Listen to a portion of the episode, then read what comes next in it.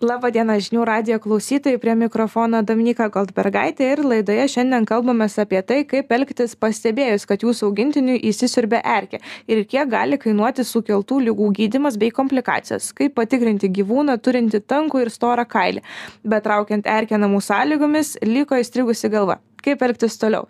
Šiandien to klausiu savo pašnekovo o studijoje veterinarijos klinikos kaivana veterinaras gytis miciulevičius. Laba diena sveiki.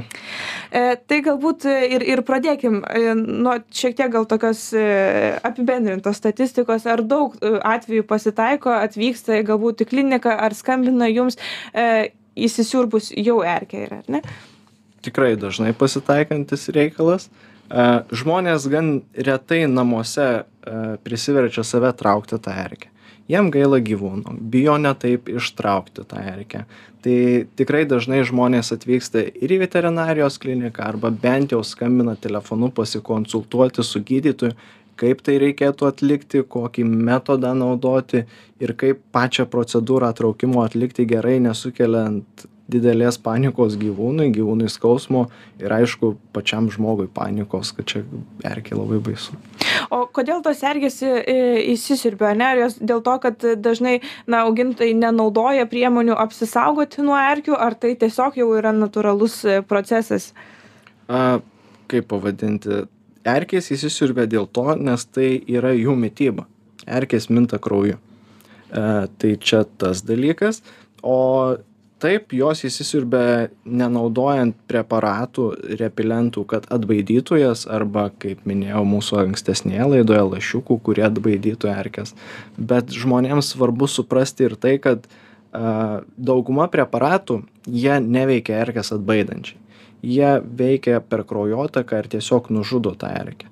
Tai sakykim erkė turi pirma įsisiurbti kad per kraujotaką gautų vadinkim vaistų gal pavadinkim nuodais kurie nužudo jas ir taip mes apsaugom gyvūną nes erkė jinai tada žūsta ir nespėja perduoti užkrėtėjo Tai tada galbūt e, e, ir pabandykim taip, ne, paskaidyti, kaip ištraukti tą erkę namų sąlygomis, ne, kad augintiniams, na, galbūt rečiau reikėtų vežti pas veterinarą. Tai aš manau, pirma reikėtų šeimininkams suprasti tą dalyką kad ją svarbu ištraukti ir taip nėra kažkokios tragedijos kad jie trauks tą erkę. Čia jie taip darydami pagelbėja gyvūnui kad jisai nespėtų užsikrėsti viena iš pernešamų erkių ligų. Tai pagrindinis metodas namų sąlygomis dažnai žmonės neturi a, specialių a, pavadinkim įrankių įrankių pincetų tokių kurie yra skirti veterinariniam erkių traukimui tai paprasčiausias būdas kurį aš rekomenduočiau tiesiog suimti tą erkę ir traukti ją lauk. Su pirštais. Su pirštais tiesiog nes dauguma žmonių neturi priemonių nei pinceto neturės nei tų specialių priemonių erkės traukimui. Tai tie tai pincetai aš pasitikslinsiu kurie skirti antakiams pešioti ar ne netinka. Jeigu turėsit po ranka tiks. Tikrai tiks. Svarbiausia ištraukti tą parazitą ir tada viskas bus gerai. E, dažnu atveju aišku tai kitas metodas yra paimti tą erkę ir sukamuoju judesiu traukti laukan. Bet sakau mes grįžkime prie to dalyko. Svarb nesvarbu kokiu metodu jūs ją trauksit svarbiausia ją ištraukt. Kartais būna gal toksai dalykas kuris ir gąsdina žmones kad ištraukus tą erkę lieka jos ta vadinama galva. Bet su tuo dalyku irgi nereikėtų mum panikuoti kadangi organizmas ją užsidės toje vietoje bus žaizdelė užsidės šašas ir tiesiog ta galva iš odos iškris kartu su tuo šašu. O prieš traukiant ar ne ar reikėtų patepti ka kažkuo ar ar spiritu ar ar kažkokiu nežinau eteriniu aliejumi kad nežinau sumažinti e, tą poveikį ar irgi kad nebenorėtų giliau siurbtis erkė ne tai jeigu mes ją ištrauksim tai jinai ir nesisiurbs giliau likusi jos galva tai nėra funkcionuojantis dalykas. Tai prieš galima dezinfekuoti bet svarbiausia padezinfekuoti po to kadangi lieka nedidelė žaizdelė toje vietoje kurio kurioje buvo įsisiurbusi erkė. Tai dezinfekcija irgi yra svarbu Tai dabar tada galim e, pereiti prie lygų, ne, kurias sukelia erkės, perneša erkės ar ne. Ar tos lygos yra e, tokios kaip ir žmonių, ne kaip mes įsivaizduojam laimo lygą, ar dar yra specifinių gyvūnų? A, taip tai gal labiausiai paplitusi būtent dauguma žmonių ir esą girdėję apie tai yra babeziozė. A, tai yra lyga, kuri ardo mūsų gyvūnų eritrocitus, e, sukelia anemiją, vangumą, gali sukelti vidaus organų nepakankamumus.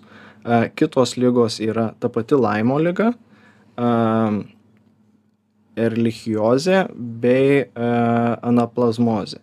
Tai tos lygos, šitos paskutinės trys, kurios išvardinau, jos pasitaikančios tikrai rečiau negu babeziozė, kuri yra labai dažnai sutinkama mūsų veterinarų ir tikrai esant tam sezonui nėra tokios, sakykime, savaitės galbūt, kur neturėtume nei vieno atvejo. Aišku, bendrai paėmus, vasarą žmonės jau dažniau naudoja visas priemones nuo erkių, tai būna rečiau, bet, sakykime, pavasaris ir ruduo, kai žmonės nusprendžia, kad erkės jau nebeveiksnios, tai tikrai dažnai pasitaikanti lyga, kuri kartais gali ir labai skaudžiai baigtis gyvūnui. Tai e, kokie galbūt irgi, na, pirmi atpažinimo simptomai, ne, būtų būtent šitos lygos, kadangi dažniausiai pasitaiko? A, tai gal pirmas dalykas, ką žmonės pamato, kad gyvūnas pasidaro vangus. E, manau, kad irgi lengvai pamatomas požymis yra, kad gyvūnas atsisako maisto, nes tie dalykai yra paprasčiausiai pamatomi. Mes įpratę savo gyvūną matyti, jisai linksmas, džiaugiasi, bėgioja, nori maitintis visą laiką, tai žmonėms šitus simptomus lengviausia pamatyti. O toliau prasideda tie simptomai, kuriuos sunkiau pamatyti. Tarkim, jei mes turim E, anemija išsivysčiusią, maža kraujystė. Tai mes nu, tikrai ne kiekvieną dieną pasikeliam gyvūno lūpą ir pasižiūrim jo gleivinės. A, kiti simptomai gali būti, kad gyvūnas ir suviduriuoti, ir pradėti vemti.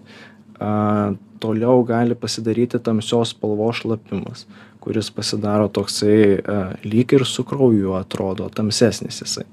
A, tai tų simptomų kurie atsiranda būtent prie šios ligos jų yra įvairių kartais jie būna ir netipiniai taip pat gal tas simptomas kuris ryškus bet tam būtina pamatuoti gyvūno temperatūrą tai yra aukšta temperatūra dažnai ir ji yra kaltininkė to vangumo bet čia irgi susiduriam su tuo mitu kurį žmonės turi gyvūno sausa nosis tai tai nėra rodiklis ir sveiko gyvūno nosis gali būti sausa. Ir vienintelis tas metodas kaip gyvūnui pamatuoti temperatūrą iš tikrųjų tai yra rektaliai.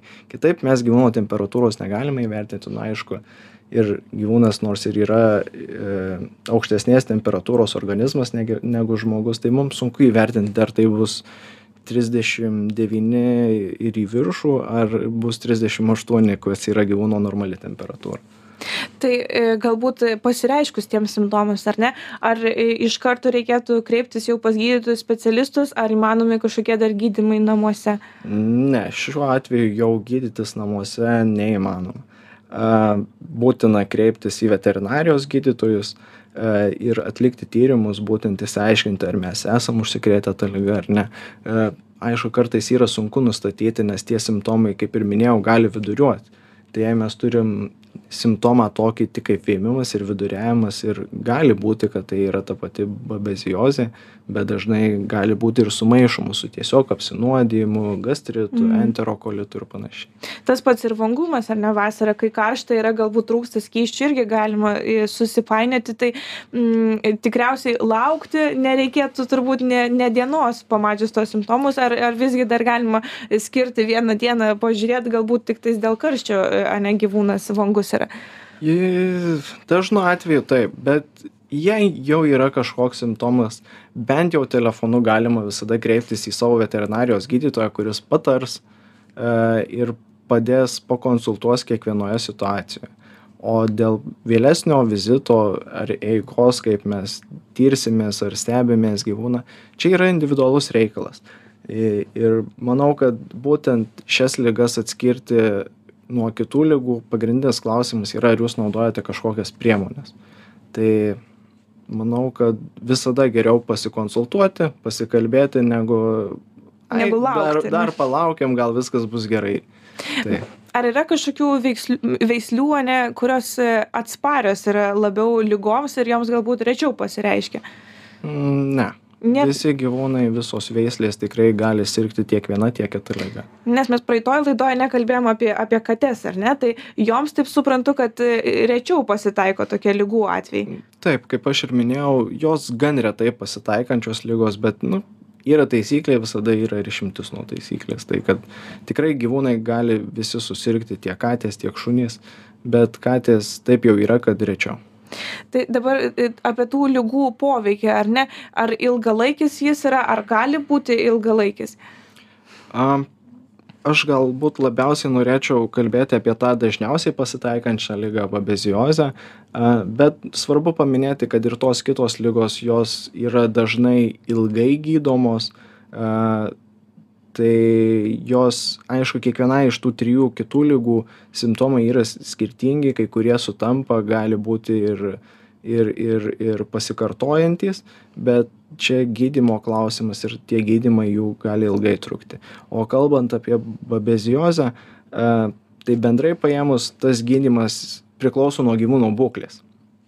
E, Kiek mes turime simptomus pažengusius, kiek mes po kraujo tyrimų matome rodiklių a, nukritimus, ten tarkim padarius biocheminį kraujo tyrimą turim nepakankamumus vidaus organų ir panašiai. Tai tas gydymas gali priklausyti nuo tų dalykų, kiek mes turim pažengusią pačią lygą. Tai ar brangiai tas gydimas gali apsieiti, ar ne? Ir galbūt ir vėliau tos komplikacijos galbūt irgi gali nu- nutikti, ar ne? Tai kiek gali kainuoti e, toks, toks na, nežinau, sezonas, ar ne, erkių? Prevencinės priemonės kainuos tikrai mažiau negu gydymas. Nes mes atsimušam į tą sieną, kad pirmą mum tai lygai reikia nustatyti tyrimų. Aišku, priklauso ir nuo pačios lygos, kokią mes įtariam, kokius turim simptomus, a, bet pats gydymas gali kainuoti ir šimtais, išimtinais atvejais gali kainuoti ir tūkstančiais. Tai kaip ir sakau, prevencinės priemonės tikrai yra pigiau ir, ir, ir tarkim paėmus, kad jei mes turim sunkų atvejį gyvūno, tai gydimas gali kainuoti tiek, kiek kainuos jam visam gyvenimui prevencinės priemonės. Tada aš kažkaip dabar pagalvojau, ar ne, vis dėlto prieš traukiant dar reikia žinoti, kur yra ta erkė, ar iš vis įsisiurbus ta erkė. Tai e, kaip jūs rekomenduojate, ar reikia kiekvieną kartą grįžus e, iš lauko tikrinti gyvūną, ar vieną kartą per savaitę, kaip dažnai? A, Aš manau, kad po grįžimo iš lauko tikrai mums nekainuos daug laiko pasitikrinti tą savo gyvūną. A, Tarkim, jei tai yra trumpo kailio gyvūnas, tai dažnai tas erkės lengva pamatyti. Tarkim, jei tai yra dar šviesaus kailio gyvūnas, tai itin lengva jas pamatyti. Bet e, tikrai vėl grįžtam prie to, kad apsauga čia yra svarbiausia. E, Jei mes naudosim apsaugą, tai tas patikrinimas nėra toks būtinas. Bet tarkim, jei žinom, kad mes nenaudojam jokios apsauginės priemonės, tada pasitikrinti yra būtina ir iš karto grįžus iš lauko. Tai, e, Tai kokie galbūt tie būdai yra, kaip patikrinti, ar kiek kruopščiai galbūt tą kailį reikia tikrinti? Tai patikrinimas irgi priklauso nuo pačio gyvūno, koks jo yra kailis ir, ir, ir koks tai yra pats gyvūnas, ar katė, ar šuo. A, tai esminis momentas, vėlgi gal grįžkim, kad yra kailis. A, jei tai yra ilgo kailio gyvūnas, tai mes gal re- rekomenduojame jį šukuoti.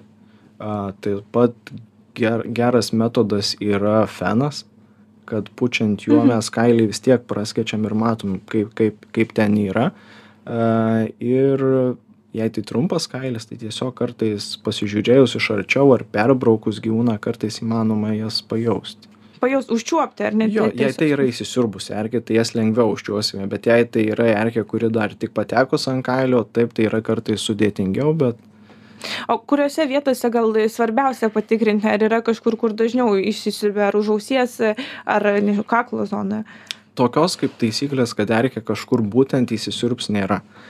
Ji gali būti bet kur, bet dažniausiai iš praktikos mes esam pastebėję tai, kad tai yra vietos, kur yra mažiau kailių. Tai dažniausiai tai būna aplikausis, kaklos rytis, gali būti gyvūno pažastys. Pėdos. Ar- Pėdas gan retai, nes jos ant pėdų nu, nepatenka, nes gyvūnas, kai eina vis tiek žemė liečia, tai jos nukristų greičiausiai. E, tada aš dar noriu pasiklausti, ar ne, kas, ar, ar gyvūnas gali nusikrapštyti pats tas erkės grįžę ir ar su tuo ateina kažkokios rizikos?